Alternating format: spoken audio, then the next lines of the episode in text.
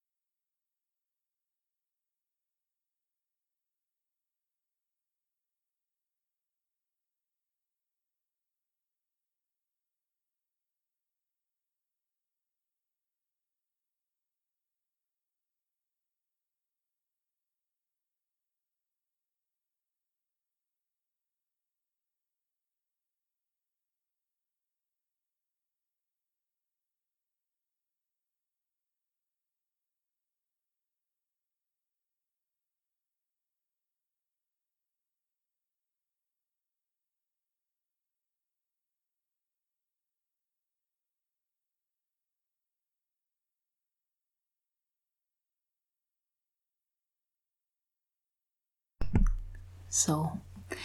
Um, de eerste vraag, mijn comfortfood, uh, voedsel waar ik troost uit haal.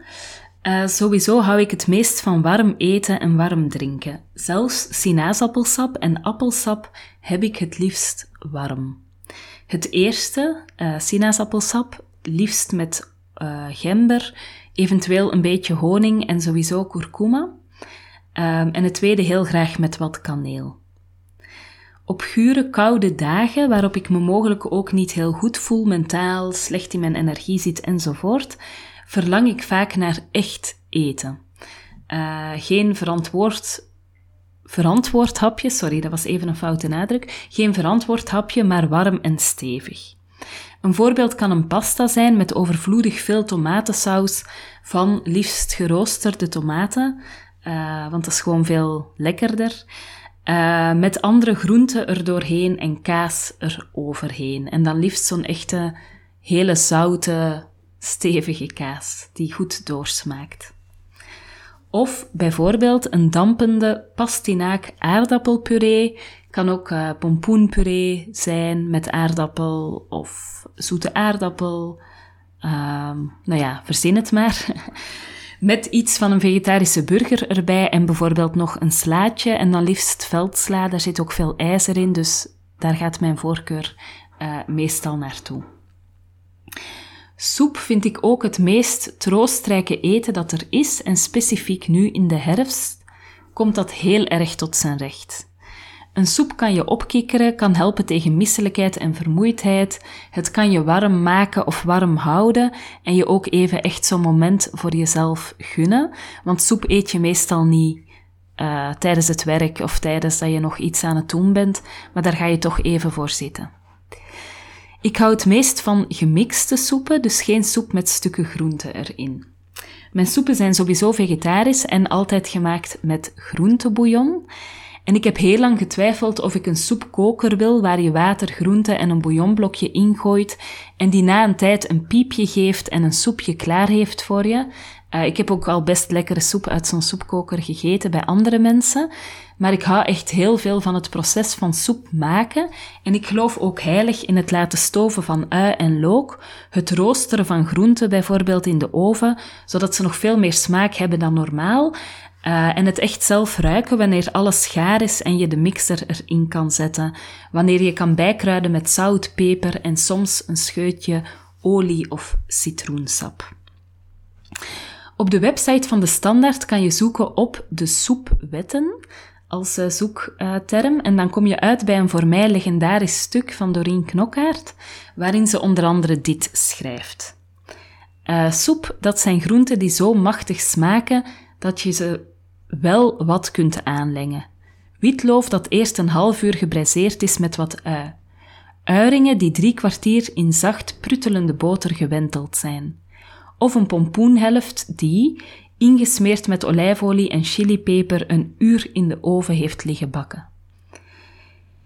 Eer iets nog in mijn soep mag, moet het eerst zo lekker zijn dat ik het ook wel als dusdanig zou willen opeten, met een glas wijn en een stuk brood. Enkel wanneer de zin in soep nog groter is, gaat er water bij, of bouillon. Einde citaat.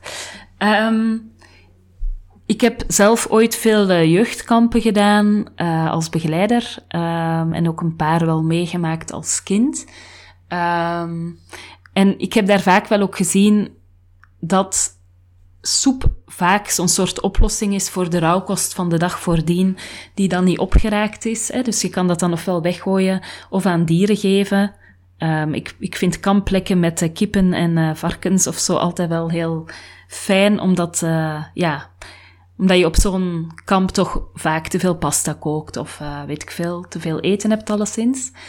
Um, maar goed, ik heb dus heel vaak meegemaakt en ik heb mij daar zelf ook wel schuldig aan gemaakt, vrees ik, dat de uh, overgebleven tomaatjes of worteltjes of wat het ook was, dat die dan uh, in zo'n grote ketel gemikt werden met water en bouillon, uh, gekookt werden en die dan vervolgens als soep de volgende dag op tafel kwam.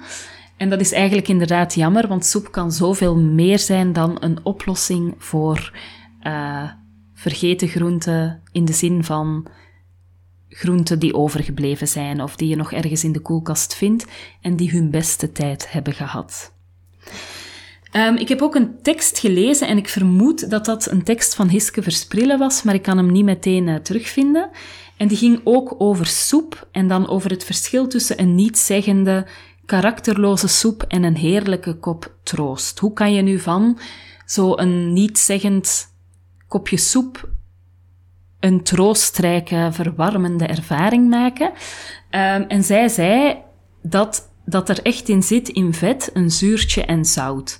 Een soep die dus een beetje te vlak is, die niet zeggend is, die kan je met een scheutje olie, een paar druppels citroensap of een snufje zout, of alle drie of twee van de drie redden.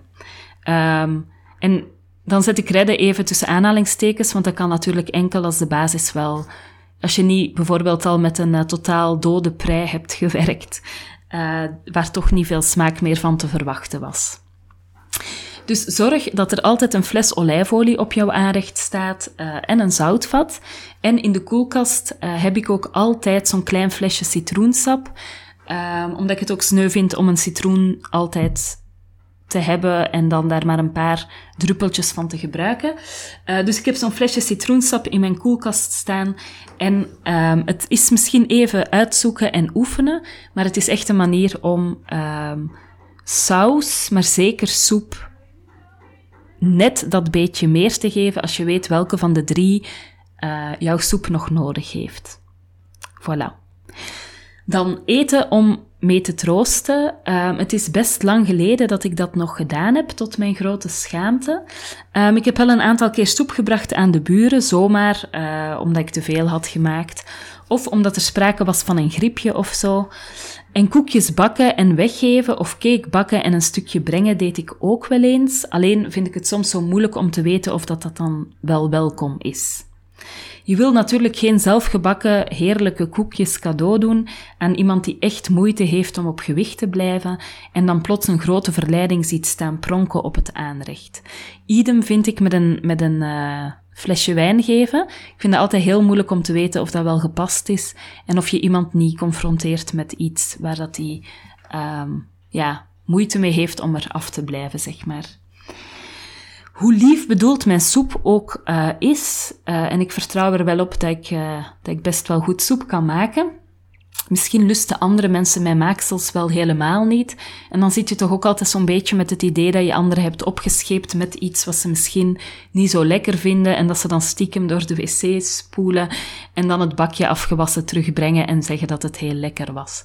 Dus ik merk dat ik daar wel een beetje terughoudend of zo in ben, omdat ik dat ook wel moeilijk vind om in te schatten wat andere mensen graag lusten uh, en of het wel fijn en gepast is om eten te geven. Het kraamkostconcept, dus het idee dat je uh, in plaats van de zoveelste knuffel of het zoveelste rompertje uh, vers eten brengt aan een gezin dat net een kindje heeft gekregen, uh, vind ik een supergoed idee, vind ik echt een topconcept. Um, en ik realiseer mijzelf dat veel, veel, van mijn vrienden te ver wonen voor deze actie of al klaar zijn met baby's krijgen. Um, maar ik vind het ook heel moeilijk om eten te maken dat niet verpietert door het opnieuw opwarmen of het vervoer. Als ik bijvoorbeeld alleen al een slaatje meebreng naar kantoor en ik doe het bakje middags open, sta ik meestal al teleurgesteld te kijken naar een platgevallen massa die ochtends nog een frisse veldsla was met tomaatjes en noten en een paar druppels olie en citroen. En ja, ik weet dat ik waarschijnlijk die olie en citroen apart had moeten houden en dat de hele boel dan nog er beter uh, doorgekomen was. Maar goed, ja, je wil het natuurlijk ook een beetje simpel uh, houden. Ook dingen als lasagne vind ik toch wat kartonnerig als ik ze een dag later opwarm. Dus dat soort dingen wil ik anderen ook liever besparen. Of ik wil zo niet het gênante gevoel hebben van, oh nee, wie weet was het helemaal uitgedroogd of zo. Dus uh, als mensen hier nog advies over hebben, is dat heel erg welkom. Want ik vind het hele concept van eten brengen aan mensen die verdrietig zijn of ziek of uh, een kindje hebben gekregen, vind ik echt een heel mooi uh, idee. Um, trouwens ben ik vaak ook wel de blije ontvanger ge geweest van lekkere maaltijden. Uh, bijvoorbeeld van Eva en Caroline uh, heb ik regelmatig uh, iets lekkers gekregen. Zeker ook van Heidi. Um, ja, dat brengt allemaal warme herinneringen boven. En ik weet nog na de geboorte van Isaac dat uh, Katja toen, ik, zie het, ik zie echt dat beeld nog voor mij, een kratje groente bij had op kraamvisite, groente geoogst uit, uit eigen tuin. En dat ze toen ook uh, in mijn keuken dook om daar ter plekke een risotto mee te maken. en dat is iets dat ik echt nooit vergeet, omdat ik dat zo leuk en zo lief vond. Um, dus misschien dat dit ook wel een soort tip is van... Uh, um, ja, stel dat je een moestuin hebt, dan denk ik dat een bakje vers geoogste groenten het altijd goed doet. Uh, maar misschien kan je ook wel ergens in een pluktuin of zo gaan oogsten. En live, als je een beetje kan koken, als je dan live kookt voor mensen, dan is het vers en lekker en warm. Um, en niet uitgedroogd en niet kartonnerig. Um, maar ik denk dat dan wel de voorwaarde is dat je de keuken netjes achterlaat. Voilà. Uh, tot daar voor vandaag. Um, ik wil graag nog drie dingen vertellen. Mm, in de Facebookgroep Eigen Tijd, leren voor jezelf zijn. Uh, daar kan je gewoon lid van worden. Dat is een open groep. Um, besteed ik vijf dagen lang aandacht aan herinneren, herinnerdingen. Uh, elke dag met journalvragen, journalingvragen. Uh, vandaag bijvoorbeeld over dit onderwerp, troostvoer, um, um, comfortfood. Uh, ook telkens met een audiofragment en een citaat en een foto. dus heel welkom om daar elke dag om 11 uur in de groep deze week van 1 tot en met 5 november aan mee te doen eigenlijk. Um, op 8 november, dat is dan volgende week maandag, is er van 12 tot 1 uh, een lunchpauze uh, die ik vanuit FEMA Wereldvrouwen met het Eigen Tijdproject organiseer. Uh, misschien ben jij ook wel zo iemand als ik, die s'avonds gewoon soms helemaal op is en geen energie meer heeft voor leuke dingen. Dus uh, hadden we het idee om eigenlijk vijf weken op rij een leuke lunchpauze te voorzien. Op 8 november uh, is dat een lunchpauze met Embrace Your Voice met Griet Samijn. En het is echt heerlijk. Griet kan geweldig zingen. Ze nodigt je uit om mee te zingen. Ehm, je mag op mute blijven, zodat je niet moet zingen voor, zeg maar, de andere deelnemers. Uh, ik ben zelf iemand die altijd playbackte als ik vroeger uh, in, het, in het koor moest meezingen, omdat ik niet durfde mijn stem te gebruiken, omdat ik zo bang was om vals te zingen. En ik heb toch die Embrace Your Voice wel een keer gedaan en ik was totaal opgeladen van het zingen met Griet en met andere mensen samen. Uh, dus gun het jezelf voor je middagpauze op 8 november. Um, en ik ga ook meteen even vertellen wat er nog allemaal op het programma staat. Uh, op 15 november geef ik zelf een lunchpauze uh, met een schrijfworkshop. Uh, op 22 november ehm, is er een do-it-yourself, iets knutselen tijdens je middagpauze met Fimo Klei. De 29ste is er een lachsessie door een lachcoach en dat lijkt me echt super grappig.